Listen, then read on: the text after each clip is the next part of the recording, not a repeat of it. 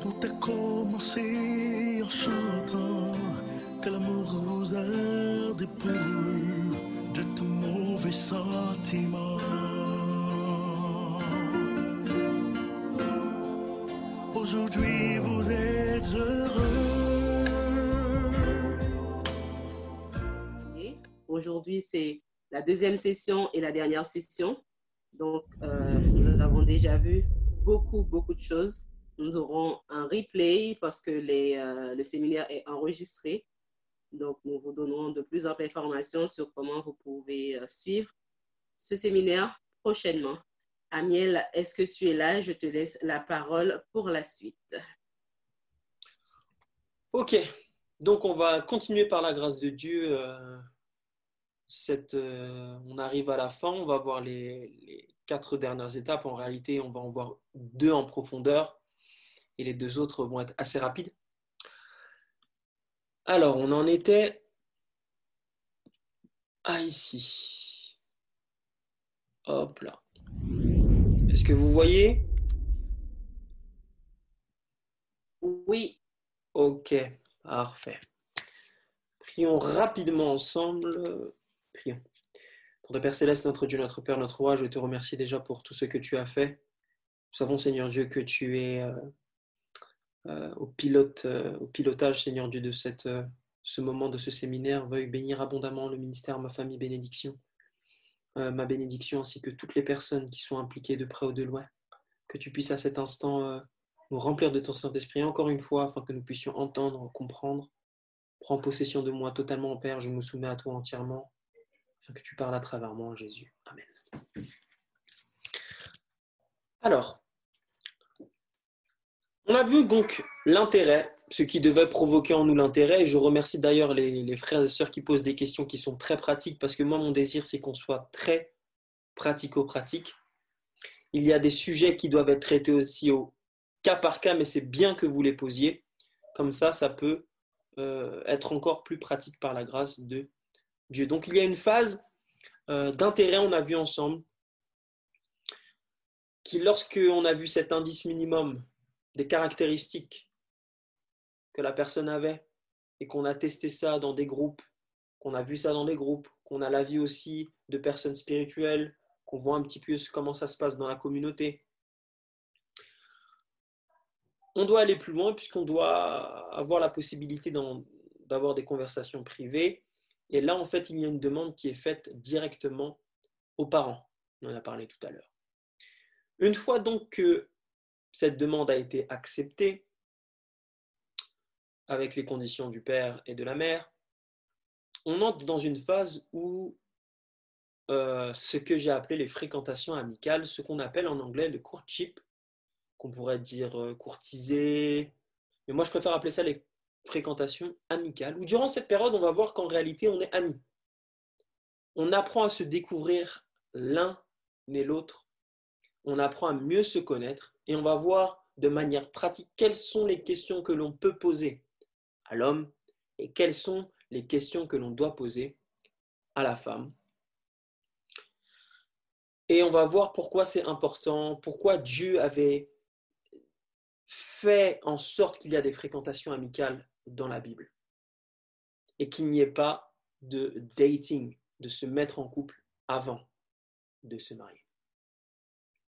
Et c'est ce qu'on va essayer de voir ensemble. Alors comment apprendre donc à se connaître l'un et l'autre dans l'amitié? On va voir le premier point, la fréquentation amicale VS versus sortir ensemble et pourquoi la fréquentation amicale est un mandat biblique et pourquoi en réalité concrètement c'est nécessaire? Ensuite, on va voir donc dans quel cadre ça se fait et on va voir les questions à poser. Il faudra prendre, je pense, des notes aussi encore ici.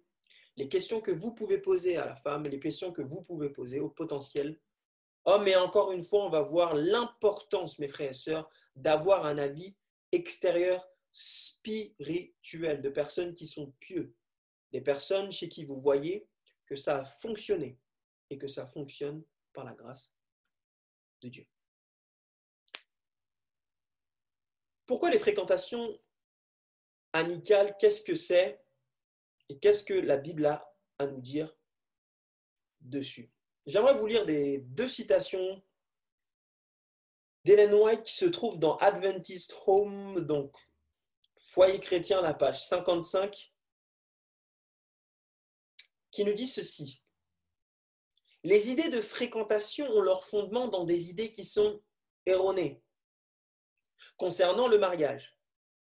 Et elle nous décrit en réalité ce que c'est la fréquentation du monde, dating. Elle dit ils suivent l'impulsion et une, aveugle passion. Retenez bien ça. Impulsion et aveugle passion. Elle dit la parade nuptiale se déroule dans un esprit de quoi? De flirt. Les parties violent fréquemment les règles de modestie et de réserve, j'aurais pu le surligner, et sont coupables d'indiscrétion s'ils ne violent pas, etc., la loi de Dieu. Le dessein de Dieu haut, noble, élevé de Dieu dans l'institution du mariage n'est pas discerné. Donc les affections qui sont pures du cœur, les traits de caractère les plus nobles ne sont pas développés.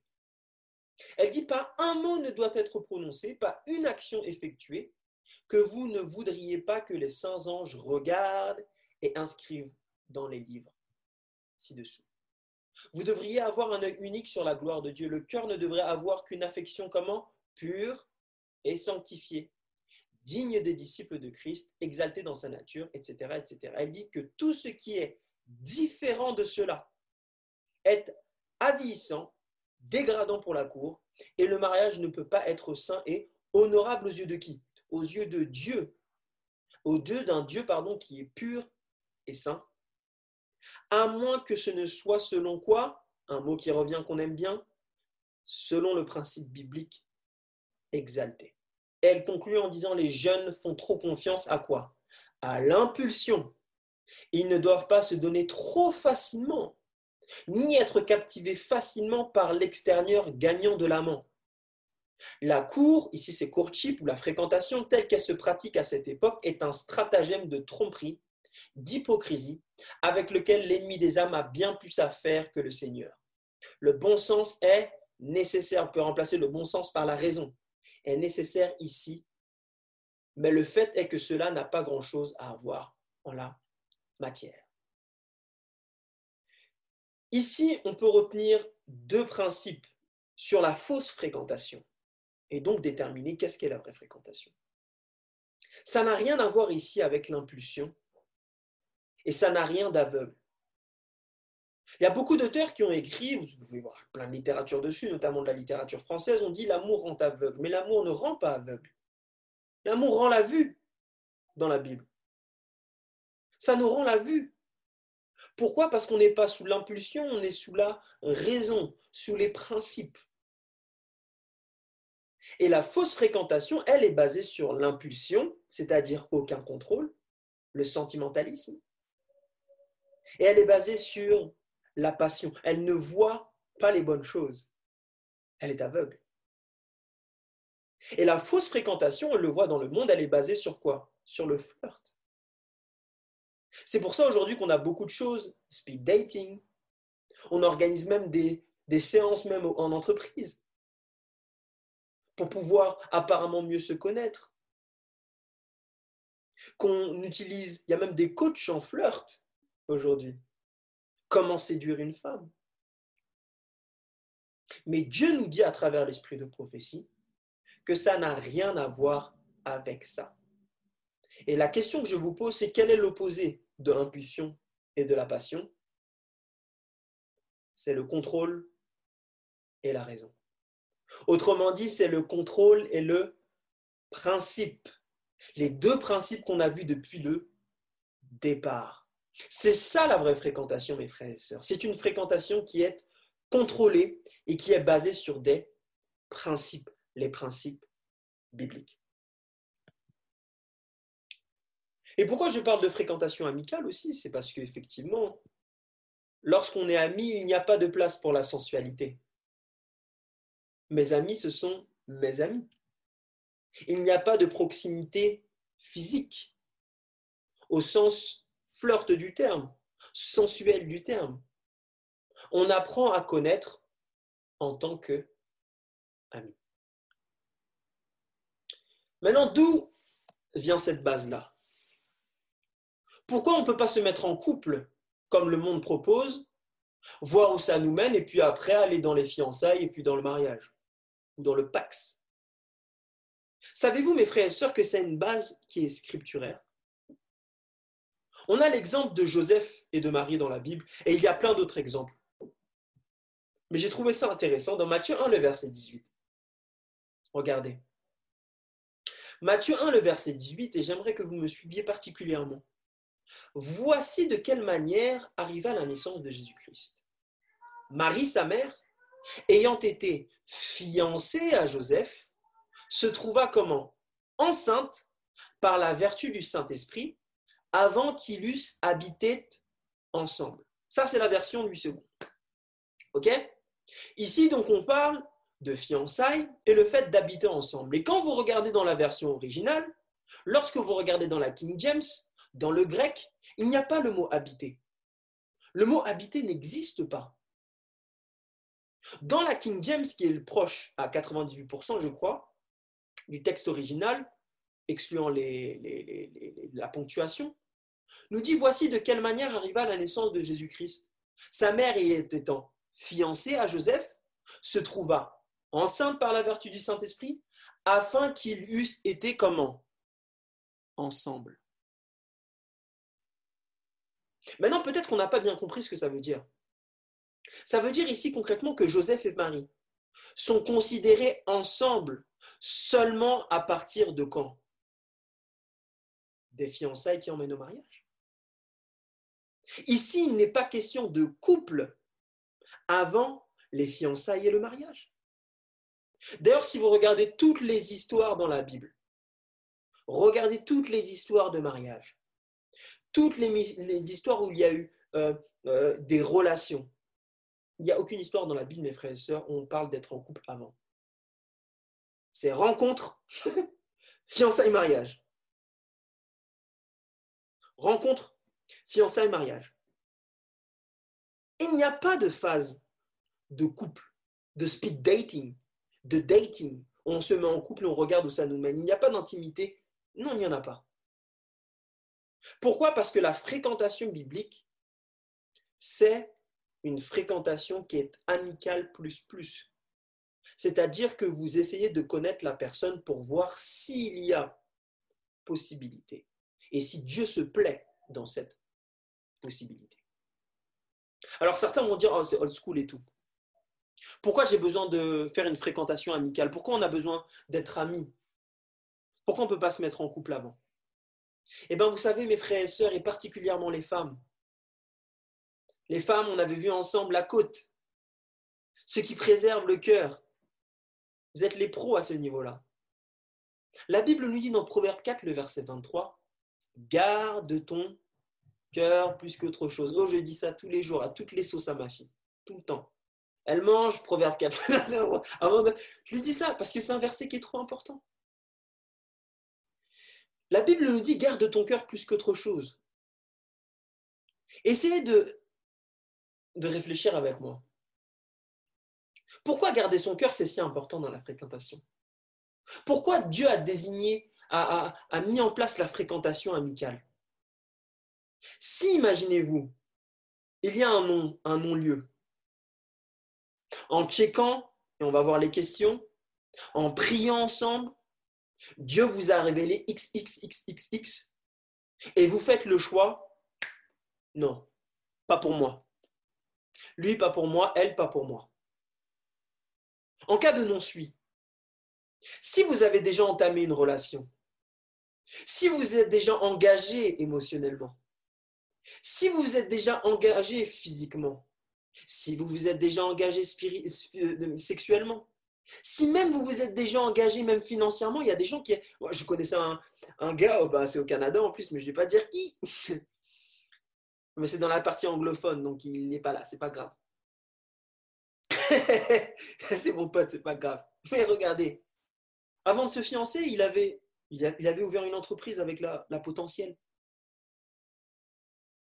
Ils avaient fait un 55, un 50, 55, 50, 50%.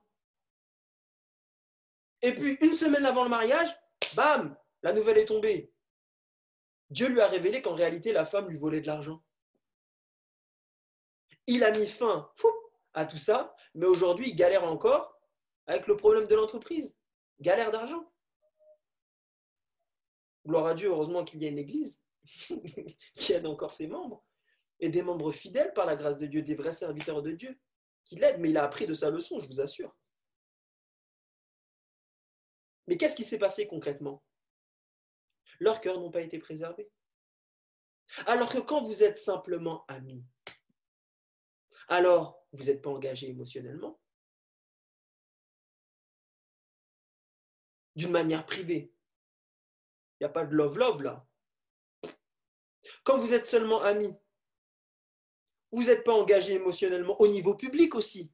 C'est-à-dire que vous préservez l'un et l'autre. Il n'y a pas de dans l'église, ouais, t'as vu, machin, il lui a touché les cheveux, ouais, il lui a tenu la main vite fait, il lui a sifflé des mots doux. Non, non, non Vous êtes préservé aussi au niveau de la communauté. Et vous préservez les autres aussi de ne pas parler pour rien. Vous gardez votre cœur plus qu'autre chose. Et ainsi, vous préservez aussi les familles respectives. Vous ne portez pas un déshonneur à la famille. Vous voyez ce que je veux dire? Et vous n'êtes pas engagé aussi physiquement non plus. C'est-à-dire que vous vous êtes préservé, vous avez préservé votre corps en Jésus-Christ. Vous n'êtes pas sous la passion, mais sous la raison. C'est pour ça que pour toutes ces raisons, et il y en a d'autres, la fréquentation amicale répond vraiment au mandat biblique de Proverbe 4, le verset 23. Garde ton cœur plus qu'autre chose. Vous préservez les sentiments de l'autre. Vous vous préservez l'un et l'autre. Et ainsi, Dieu est honoré, votre réputation préservée, la réputation de la famille préservée, et surtout la réputation de Dieu aussi est préservée. On ne va pas dire, oh, c'est quoi ces types de chrétiens qui vont de femme en femme ou d'homme en homme? Non, on est juste friend. Donc ça ne fonctionne pas, gloire à Dieu. On peut rester amis, si vous le voulez, en Jésus-Christ. Garde ton cœur plus qu'autre chose. Alors comment on a vu déjà un premier mois, c'était que ça se faisait de préférence en public. C'est pas de préférence, c'est en public et en groupe. Moi, par exemple, le Père m'avait donné la condition d'apprendre à la connaître chez eux tous les dimanches matins, avant les réunions du ministère. J'allais là-bas, 6h, 7h du matin, et on restait une heure, une heure et demie. Et puis go, j'ai fait ça pendant, ouf, je sais pas combien de mois.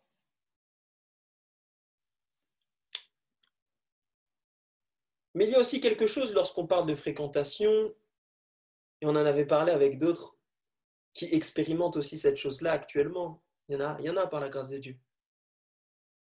Lorsqu'on parle de fréquentation, il y a un point qui est très important, mes frères et sœurs, et c'est celui de ne pas discuter tard la nuit. Alors on va dire, ah, c'est anodin, etc. Mais Hélène White est très claire lorsque vous lisez par, euh, pareil. Adventist Home, la page 56. Je vous donne les pages en anglais, 56 et 59. Elle dit ceci L'habitude de s'asseoir tard le soir est habituelle, mais cela ne plaît pas à Dieu.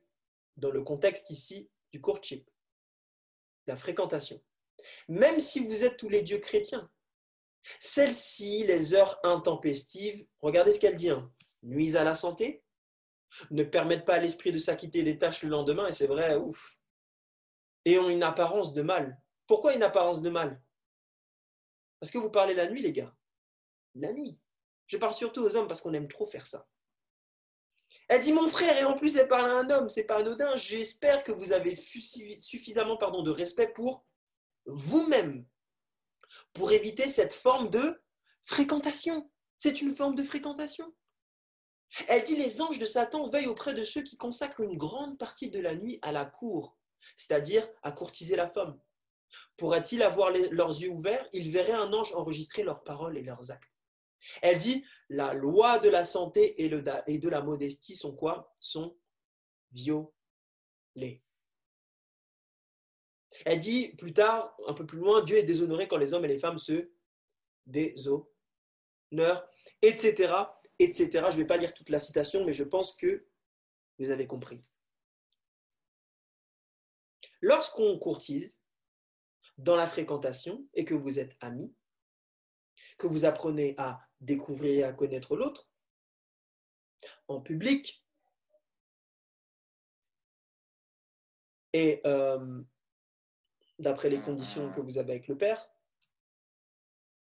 ok Et après, si le, Père vous donne l'autorisation en privé, sous certaines règles, c'est lui. ok? Parce que c'est déjà arrivé, ça arrive souvent aussi. Eh bien, vous avez aussi cette responsabilité-là d'éviter de discuter la nuit. Vous savez, la nuit, c'est là où il arrive tout un tas de trucs. Boîte de nuit. La nuit, c'est là où, même physionomiquement parlant, on est censé dormir, mes frères et sœurs. Et c'est là où on peut avoir des discussions qui sont dérangées parce qu'il fait nuit. OK? Elle dit que ce genre de discussion-là ne devrait pas être réservé à des amis, entre guillemets. Dans la fréquentation, j'entends. elle dit en réalité qu'on viole d'une les lois de la santé, parce qu'effectivement, et j'ai un frère qui m'a encore rappelé ça, Joëlla, qu'effectivement, lorsqu'on ne dort pas assez, l'espérance de vie diminue. Vous imaginez? Pareil que quand on fume. C'est incroyable loi de la santé. Donc on déshonore Dieu. Et elle dit les lois de l'immodestie aussi, c'est-à-dire qu'on ne se respecte pas nous-mêmes en réalité. C'est sans doute un privilège qu'on a, discuter avec sa femme le soir, c'est sans doute un privilège qu'il faut avoir en respectant les lois de la santé, bien évidemment, avec sa femme. Donc homme, femme, lorsque vous êtes dans la fréquentation, ça va vous éviter beaucoup de soucis, beaucoup de dérapages, beaucoup de mots inappropriés, beaucoup de comportements inappropriés en ne discutant pas le soir, la nuit, tard dans la nuit. Maintenant, quelles sont les questions à poser sur l'homme? Eh bien, figurez-vous que Hélène Watt, il y a tout dans ses livres. Et on en parlera peut-être à la fin, les littératures que je recommande grandement. Il y a tout. Lorsque vous lisez ces écrits, il y a un livre en particulier qui s'appelle Lettres aux jeunes et ouais, c'est Lettres aux jeunes, jeunes hommes et aux jeunes femmes. Letter to the young, etc. Letters to young lovers. Voilà, ok, c'est celui-là. À lire grandement. Si vous ne l'avez pas en anglais, allez sur Ellen G. White sur Internet, faites ce que font la plupart des gens, vous tapez clic droit, traduction en français dans Google Chrome et vous lisez. Même si ce n'est pas trop compréhensible, mais au moins vous allez comprendre certains trucs par la puissance du Saint-Esprit. Lisez absolument ça avant. Et elle donne tout ce qu'il y a comme question à se poser sur l'homme et toutes les questions qu'il faut se poser sur la femme. Et on va les lister par la grâce de Dieu. C'est exactement, je vous assure, ce qu'on a fait, moi et ma femme. Elle dit ceci. Paragraphe 23, euh, oui, tout paragraphe 23. Elle dit ceci. Question à se poser sur l'homme. Donc c'est la femme qui se pose les questions sur l'homme. Avant de lui donner la main en mariage, chaque femme devrait se demander si celui avec qui elle est s'apprête à unir son destin est digne. Elle est concrète, regardez mes frères et sœurs, c'est concret, concret. Hein. Quel a été son passé? Ouh, on va en revenir tout à l'heure.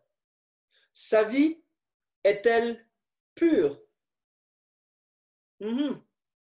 L'amour qu'il exprime est-il d'un caractère noble et élevé? Ou est-ce un simple penchant émotionnel? Vous avez vu, c'est OK d'avoir des sentiments. Vous avez vu ça? Mais quand on les exprime, c'est toujours contrôlé. A-t-il les traits de caractère qui la rendront heureuse? Peut-elle trouver la vraie paix? Ça, c'est important pour une femme. et la joie dans son affection. Et là, c'est là où, pour moi, c'est la partie la plus importante quand on est une femme. Sera-t-elle autorisée à préserver son individualité Ou doit-elle abandonner son jugement et sa conscience au contrôle de son mari? Je vous assure, Hélène White, dans Foyer chrétien, euh, Conseil sur la conduite de la sexualité aussi, et sur la lettre qu'elle envoie aux jeunes, il y, a tout, il y a je ne sais pas combien de chapitres sur les maris autoritaires. Moi, c'est quelque chose que je lis le matin. OK? Parce qu'il faut bien lire ça, c'est très important. Parce que nous, les hommes, on a une tendance à vouloir contrôler les choses. Et c'est OK, c'est bon. Mais on ne doit absolument pas détruire l'individualité de l'autre. Elle appartient à Dieu. Elle dit, en tant que disciple du Christ, elle n'est pas la sienne, elle a été achetée avec un, un prix. Peut-elle honorer les revendications du Sauveur comme suprême, c'est-à-dire est-ce que Dieu est son souverain suprême?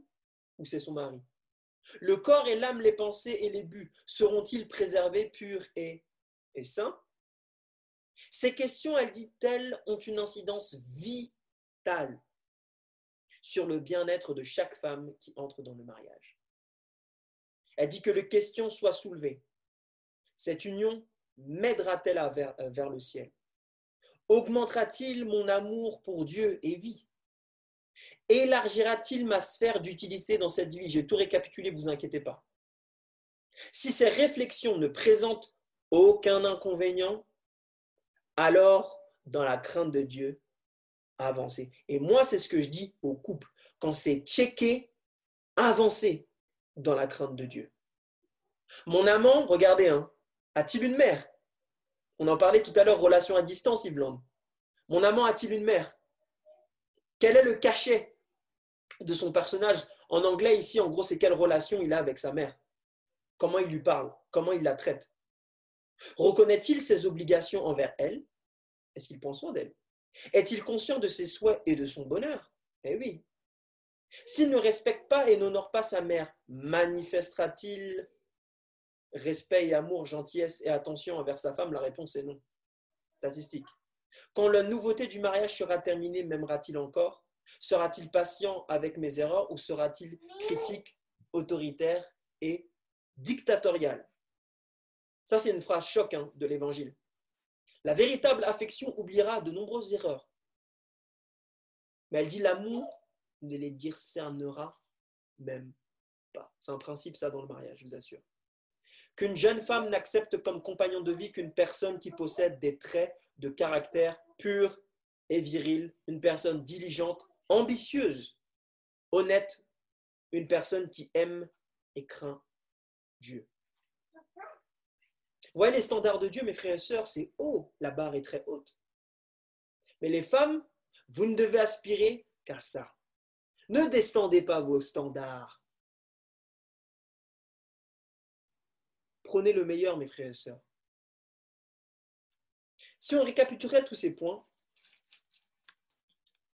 on aurait à peu près ces types de questions à poser. Premièrement, checker son passé. Vous voyez pourquoi la période de fréquentation, c'est très important et ce n'est pas l'affaire d'une minute. Hein. C'est un vrai rôle de détective. Lorsqu'on prend le citron, on le presse. C'est quand on le presse qu'il y a le jus qui sort. Là, c'est pareil. Il faut presser amicalement l'autre. Quel est son passé Et j'ai mis parler à ses amis, mais parler aussi à ses ennemis. S'il a eu des histoires qui se sont mal terminées, essayez de rentrer en contact avec l'autre personne pour comprendre. Parler aussi avec la famille, l'entourage, l'Église et la communauté, et je dis bien le plus possible.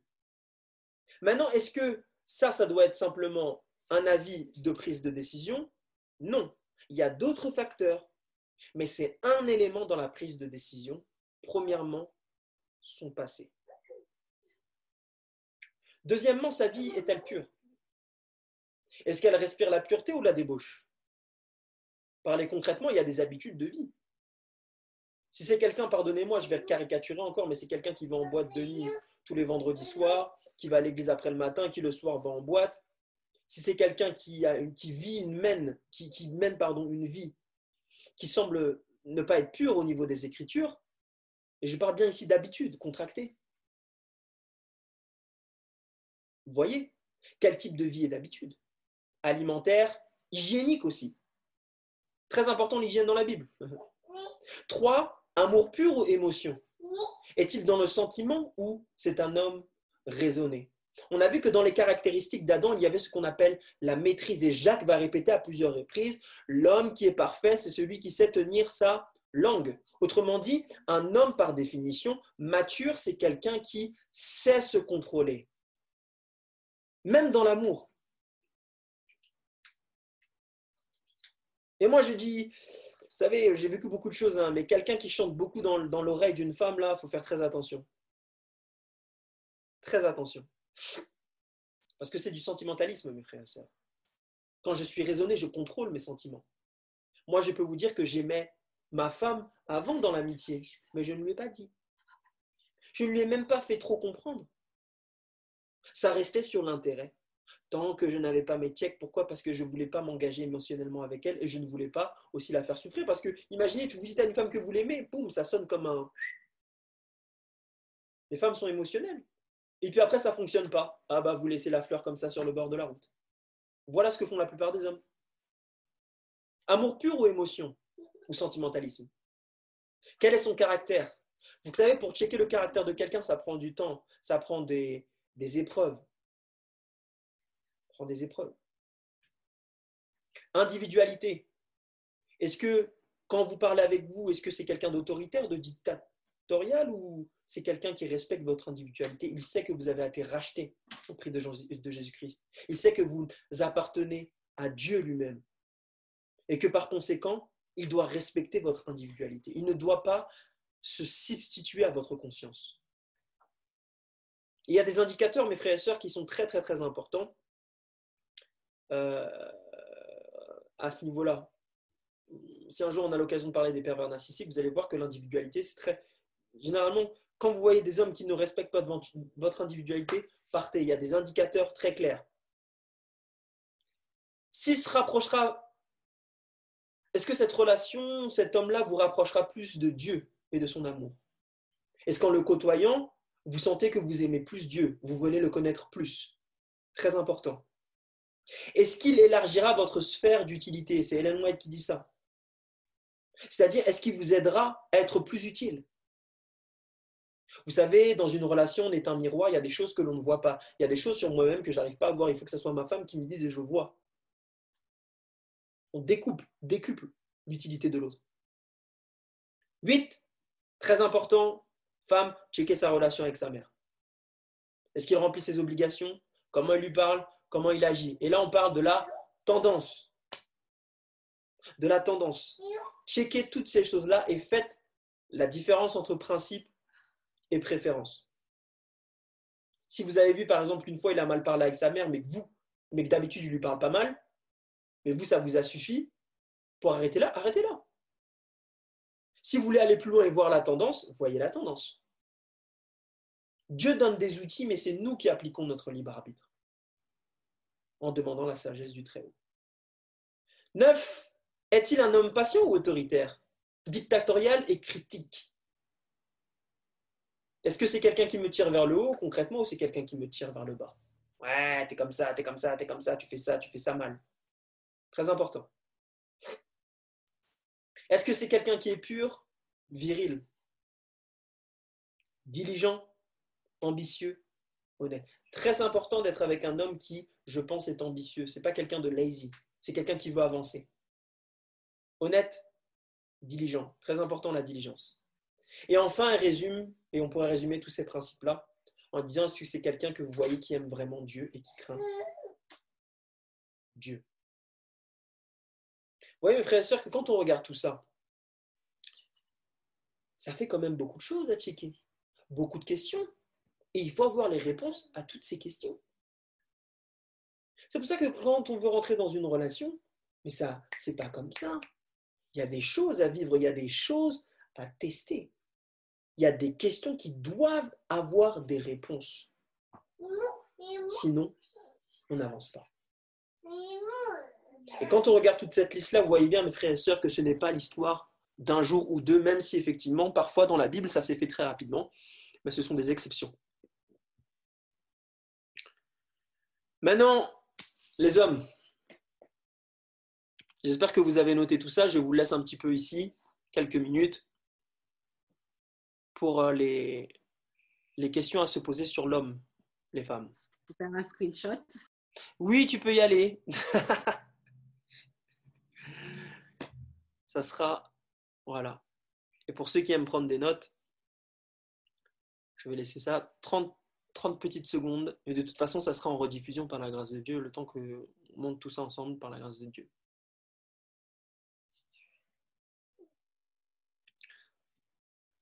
Alors, question à se poser sur la femme, les hommes. Et soyez pas jaloux. Vous allez voir que la liste est beaucoup plus petite. Mais je pense avoir une explication pour ça. En tout cas, c'est mon avis. Pareil dans le même livre, page 20 à 21. Elle écrit d'ailleurs une lettre à un homme qui s'appelle Rolf. Elle dit qu'un homme, qu'un jeune homme en cherche à ses côtés une qui soit apte à supporter sa part des fardeaux de la vie. C'est présent aussi dans Proverbe, Proverbe 30, 31 aussi. Dont l'influence l'énoblira et le raffinera, et qui le rendra heureux dans son amour. C'est étrange, hein, elle ne parle pas de la beauté, bien que la beauté ce soit important, mais c'est une préférence. Elle dit une femme prudente vient du Seigneur. Elle, le cœur de son mari a confiance en elle, elle lui fera du bien et non du mal tous les jours de sa vie. Elle ouvre la bouche avec sagesse, elle regarde bien les habitudes de sa maison. Beaucoup de filles ont agi avec vertu, mais tu les surpasses toutes. Quiconque trouve une femme trouve une bonne chose et obtient la faveur du Seigneur. Proverbe 19, 31, 26 et 18. Elle écrit à Rolf qui avait justement, qui était dans un cheminement, elle dit Est-ce que celui que vous mariez apportera le bonheur chez vous? Edith est-elle économiste Parlons de la femme? Ou si elle est mariée, non seulement dépensera-t-elle tous ses revenus, mais tous les vôtres pour satisfaire une vanité, une amour de l'apparence? Ces principes sont-ils corrects dans ce sens? On pourrait récapituler ça comme ci, comme ça, comme suit. Question à se poser sur la femme en tant qu'homme. Supportera-t-elle la part de fardeau Ça ne doit pas être quelqu'un de lazy, de paresseuse. Elle sait prendre sa part de fardeau dans la vie. Il y en aura. Vous avez vu la maison, qu'elle soit bâtie sur le sable ou sur le roc, la tempête passe toujours. Est-ce qu'elle saura supporter la part de fardeau? Si vous avez une situation, mais que dans le mariage, vous perdez votre emploi, est-ce qu'elle va péter? Pardon, excusez-moi. Est-ce qu'elle va... elle va se dire, mince Pardonnez-moi. Ou est-ce qu'elle va prendre cette part de fardeau-là avec vous? Est-ce que son influence vous ennoblit ou est-ce qu'elle vous rend animal? Est-ce qu'elle vous raffine? Est-ce que vous êtes un meilleur homme avec elle? Est-ce qu'elle vous rendra heureux? Trois, c'est très important. On veut tous être heureux. Et quatre, est-ce qu'elle est économiste? C'est-à-dire, est-ce qu'elle sait économiser de l'argent. Donc il y a un chèque financier à faire. Et moi, je rajoute euh, cela que j'ai fait moi-même. Est-ce qu'elle veut des enfants ou pas? C'est important pour moi. Si oui, combien? Ce sont des principes pour moi. Éducation à la maison ou pas? Sinon, pourquoi? Et si oui, pourquoi? Quel modèle familial? Elle attend Quel rôle elle attend de moi Et quel est aussi son rôle en tant que, que femme Comment elle voit son rôle en tant que femme Donc voilà un petit peu les questions que vous devez poser et donc vous devez avoir des réponses concrètes avant d'entamer. Et je dis bien, bien évidemment, mes frères et sœurs, il y a certaines choses que, que vous n'aurez que les mots. Mais encore une fois, c'est à vous de faire votre choix.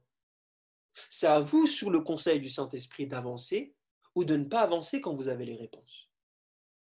Parce que l'amour, c'est toujours un risque, mes frères et sœurs. C'est aussi quelque chose où on progresse. Mais il y a des indicateurs. Vous pouvez voir si la personne supporte sa part de fardeau, comment elle est dans sa vraie vie lorsque la tempête arrive dans sa propre vie. Comment gère-t-elle son argent? Vous pouvez voir. Etc. Etc. Donc voilà les questions qu'il faut poser, se poser sur la femme quand on est un homme. Et c'est intéressant de voir qu'il n'y en a moins que les hommes. Je pense, et c'est mon avis personnel, que la femme est beaucoup plus préparée au mariage que l'homme. L'homme est, on va dire, il y a beaucoup plus de trucs qu'il doit apprendre. La femme aime plus facilement que l'homme.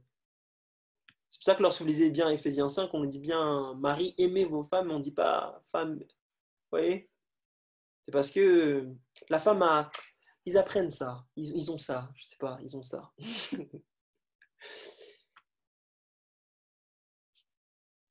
Maintenant, lorsqu'on est en fréquentation, lorsque vous avez posé ces questions, la vie extérieure, je dis bien spirituelle, est important. Pourquoi?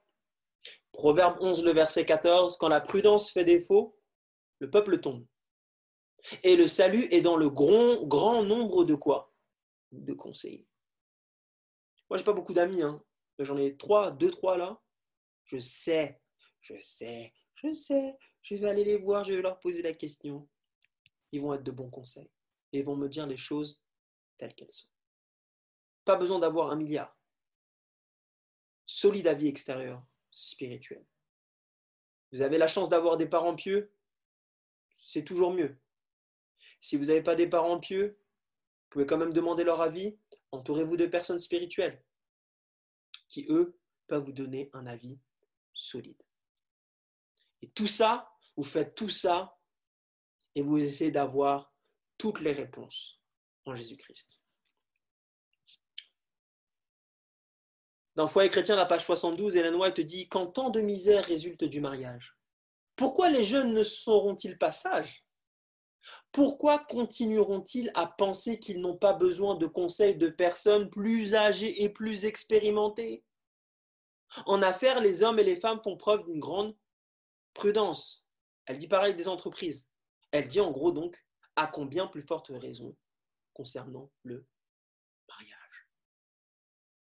Entourez-vous d'avis extérieurs. Demandez-la. Encore une fois, ce n'est pas à eux de vous dire non, ils peuvent vous donner leur avis, mais ce n'est pas le facteur décisionnel. Prenez tout le paquet.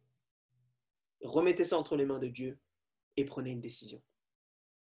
Si tout est rempli, on l'a vu ensemble, comme le dit Ellen White, avancer dans la crainte de Dieu. Et la partie, je pense, qui est la plus importante, et moi, c'est la partie où, figurez-vous, même après avoir fait tout ça, avec moi et ma femme,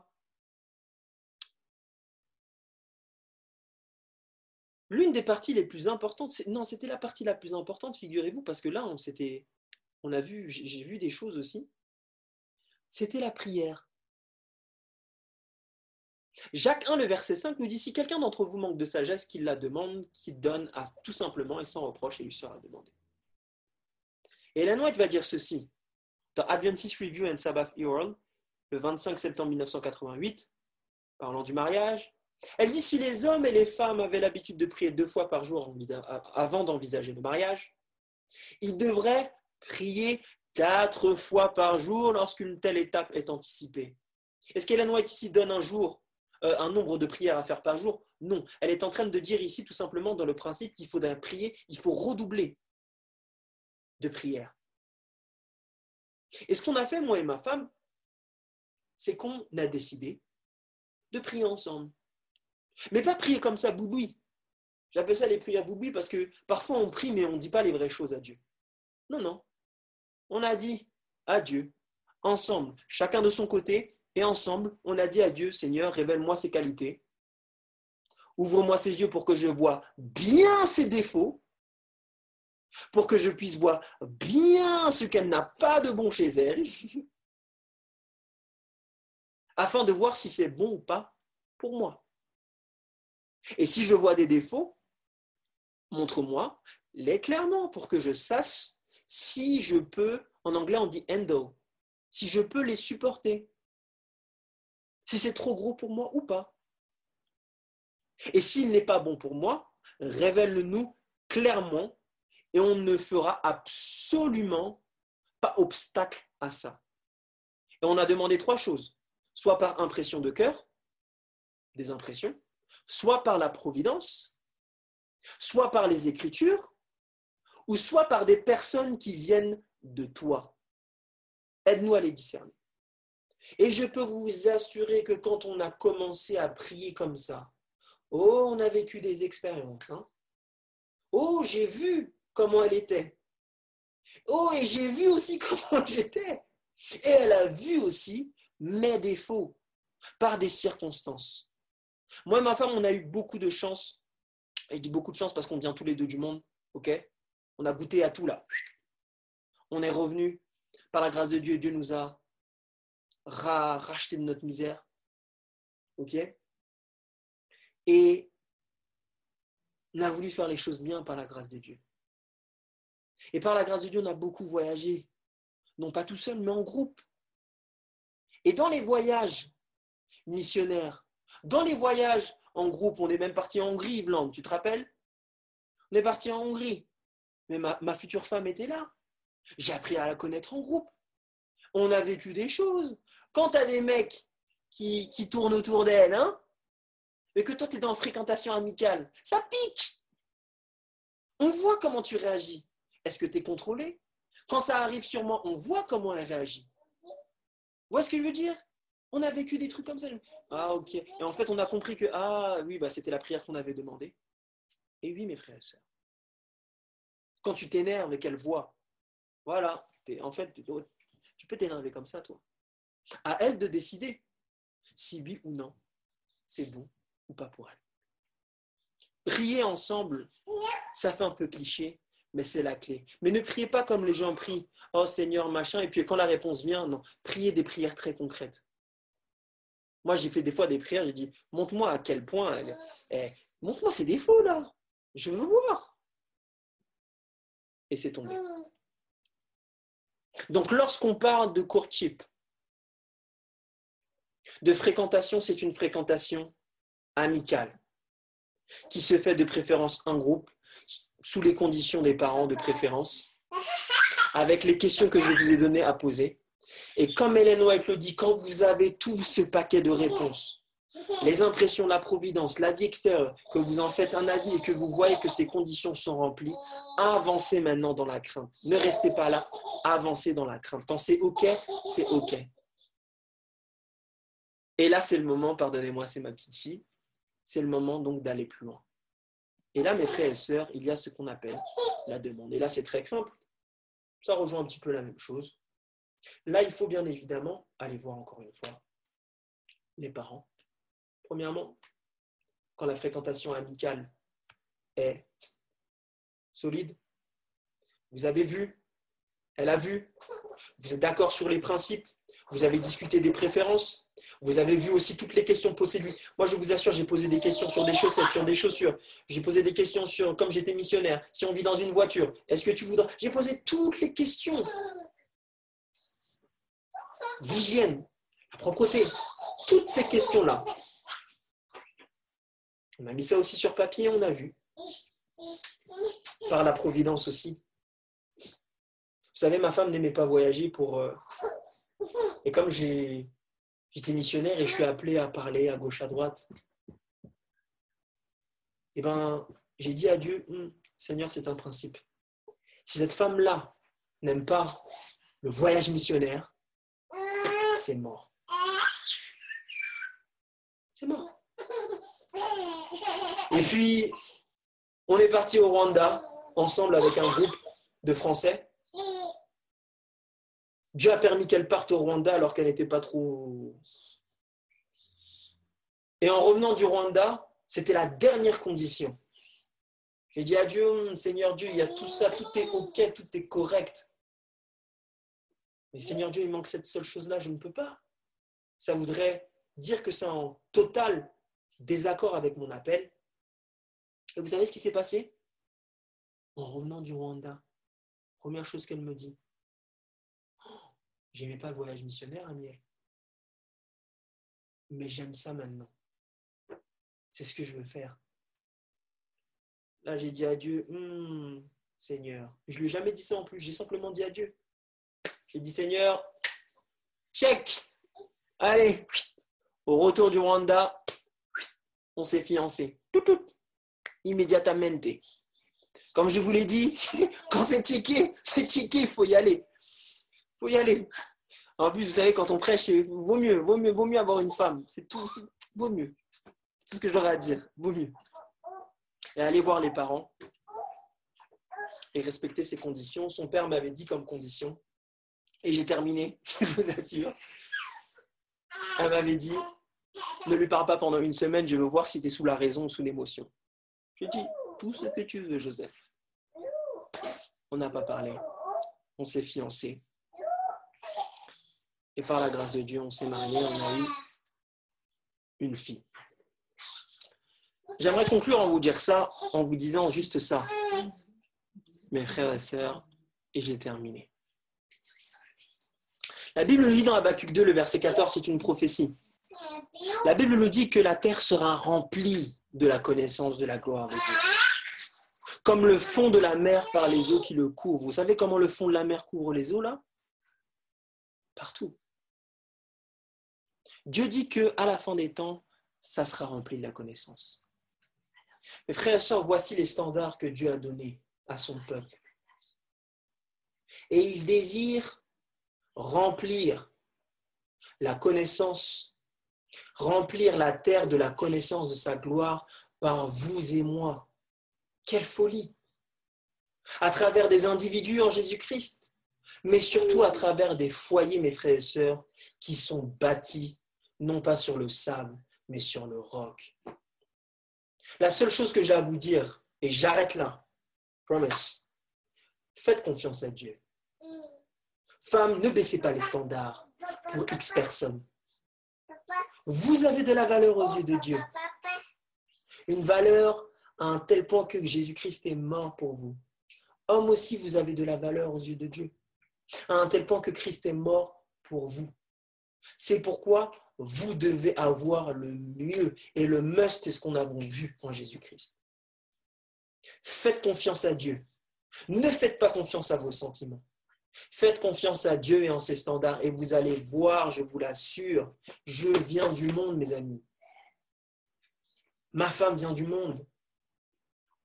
Quand on est en Jésus-Christ et qu'on décide de placer sa confiance en lui et dans ses principes, vous allez découvrir et vous découvrez pour ceux et celles qui sont déjà dans le mariage et qui apprennent, et moi j'apprends tous les jours, ce que c'est véritablement être heureux en Jésus-Christ.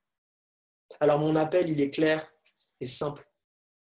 Faites juste confiance à Dieu et vous allez voir, testez et voyez à quel point l'Éternel est bon. Amen. Amen, amen. Merci beaucoup, Amiel. Merci beaucoup.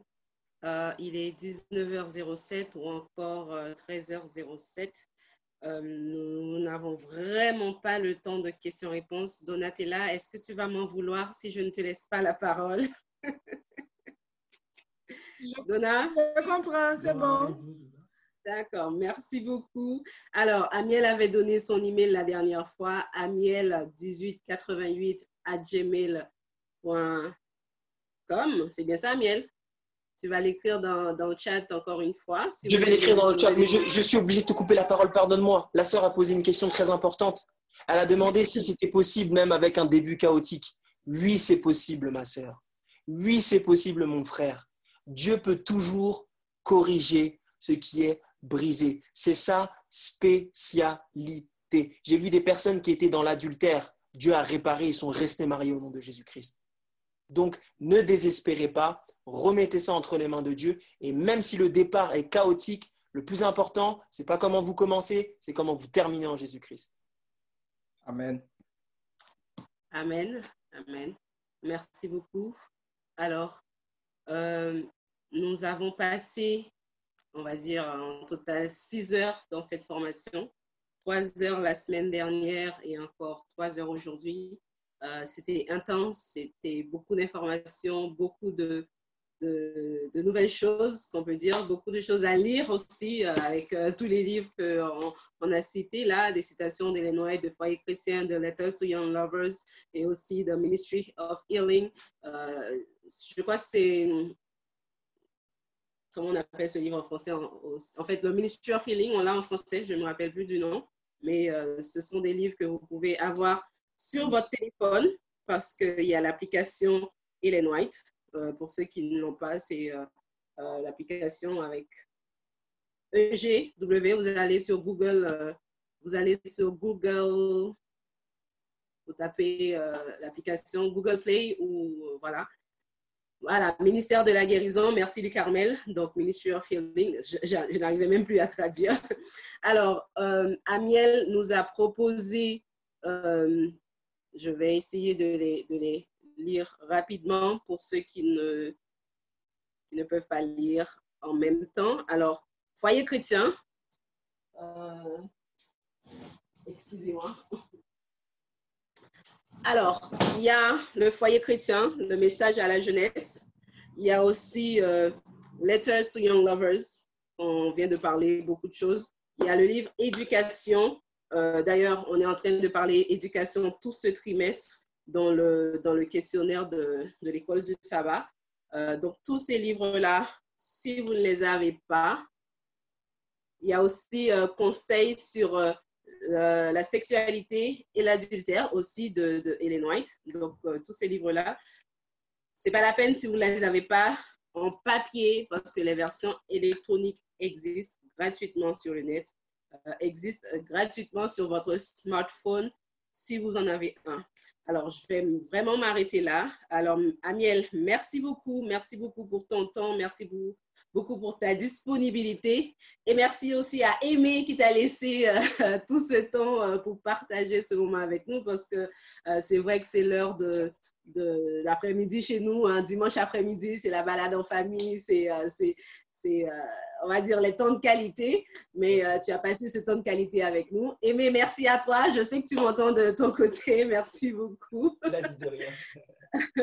Alors, je vais juste demander à ceux qui sont là, à ceux qui sont là, comme on a l'habitude de le faire, ouvrez vos caméras quelques secondes pour faire un petit coucou à Miel. C'est vrai qu'on a passé trois heures, vous avez vos caméras fermées. Il a eu la foi de savoir qu'il y avait des gens derrière. il a eu la foi de, savoir ça. Donc, ouvrez vos caméras. Merci Amiel. Merci Rico d'ouvrir ta caméra. Merci euh, Taïna. Merci Diarji. Merci Darline. Alors, merci Donald. Merci Cassandre. Merci, euh, merci à tous. Euh, merci Day. à tous ceux qui ont pu faire un petit coucou à Amiel. En tout cas, merci beaucoup. Rendez-vous une prochaine fois, je ne sais pas quand, je ne sais pas quand, mais en attendant, vous avez de quoi faire. En attendant, vous avez de quoi lire. En attendant, vous avez des questions à envoyer à Amiel par, par mail. Je ne suis pas responsable de, de, cette partie-là. Amiel, je vais te proposer de prier pour nous, vraiment de prier pour nous euh, une prière d'intercession pour que toutes les personnes qui ont écouté ce, ce, séminaire si ce sont des personnes engagées ou non, des personnes mariées, des personnes qui sont euh, dans un cheminement euh, potentiel, dans un cheminement déjà bien établi, que tous puissent se faire par la grâce de Dieu. Et si on est dans un chemin, on va dire, qu'on ne devait pas être, que Dieu nous ramène et que tout se fasse pour sa gloire. Merci beaucoup. Amen. Prions ensemble. Notre Père céleste, notre Dieu, notre Père, notre Roi, quelle joie il y a dans le ciel, Père éternel, car ta parole a parlé. Nous savons que c'est par ta parole que tu as créé. Ô Seigneur Dieu, ta parole nous dit que tu as créé par ta parole, Père éternel. Nous te prions à cet instant de créer en nous le vouloir et le faire. Le vouloir, Seigneur Dieu, de te plaire en toutes choses, peu importe le prix. Peu importe, Seigneur Dieu, qu'il y a en face, qu'il y a derrière, qu'il y a à gauche, qu'il y a à droite. mais que Seigneur Dieu, notre désir premier le plus profond ne soit pas de nous plaire à nous-mêmes, mais de te plaire à toi, car tu es notre Dieu, tu es notre Sauveur, tu es notre avocat. Seigneur Dieu, tu es tout, tout pour nous, Père, et nous te devons tout. Ô Seigneur Dieu, nous ne pourrons jamais te dire assez merci, nous ne pourrons jamais, Seigneur Dieu, repayer toutes les erreurs que nous avons faites. Mais nous avons cette seule espérance, que en Jésus-Christ, il est possible de pouvoir t'honorer et te glorifier en toutes choses. Et c'est là notre réponse, Père éternel, à ta grâce. Ce n'est pas, Seigneur Dieu, de continuer à te déshonorer, mais c'est, Seigneur, à continuer de t'honorer en toutes choses. Ô Seigneur Dieu, je prie pour ces jeunes, ces moins jeunes, qui, je sais, ont mal démarré, qui se trouvent même dans une relation, qui ont peut-être du mal, qui ont à cet instant été convaincus qu'il fallait qu'ils arrêtent cette relation. Je te prie au nom de Jésus-Christ que tu leur donnes le courage, s'ils ont vu que cette relation-là était mauvaise, de l'arrêter au nom de Jésus-Christ. Et qu'ils choisissent de te suivre, toi et toi seul. S'il y en a, Seigneur Dieu, qui sont déjà mariés, et tu nous dis dans ta parole que tu haïs le divorce, alors, Seigneur Dieu, ils doivent prendre leur part de fardeau. Je te prie, Seigneur Dieu, de reconstruire, de restaurer tout ce qui a été brisé au nom de Jésus-Christ. Que ce soit la sexualité, que ce soit, Père éternel, les relations, que ce soit même la communication. S'il y a eu adultère au nom de Jésus-Christ, tu es celui qui peut tout réparer.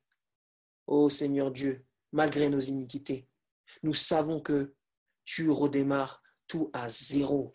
Nous te prions, Seigneur Dieu, de nous donner cette mesure de pardon, les uns envers les autres. Ô Seigneur Dieu, je prie pour ce ministère, ma famille, ma bénédiction, qui je pense a été une bénédiction pour chacun d'entre nous. Et je prie particulièrement pour la communauté haïtienne.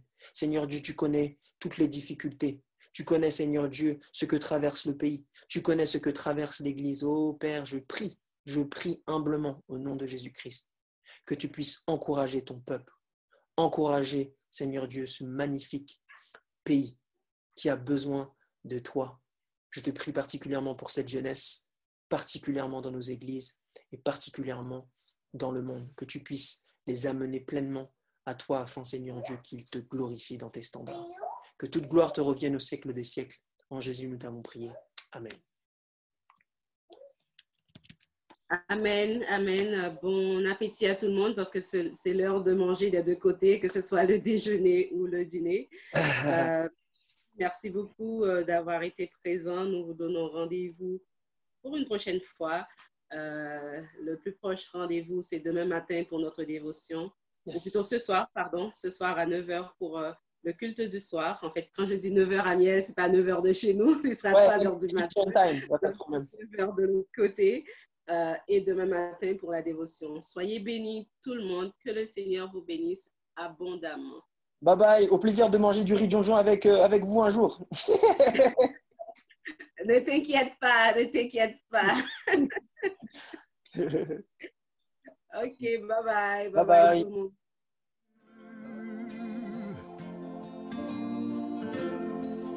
Tout a commencé en chantant que l'amour vous a dépouillé de tout mauvais sentiment.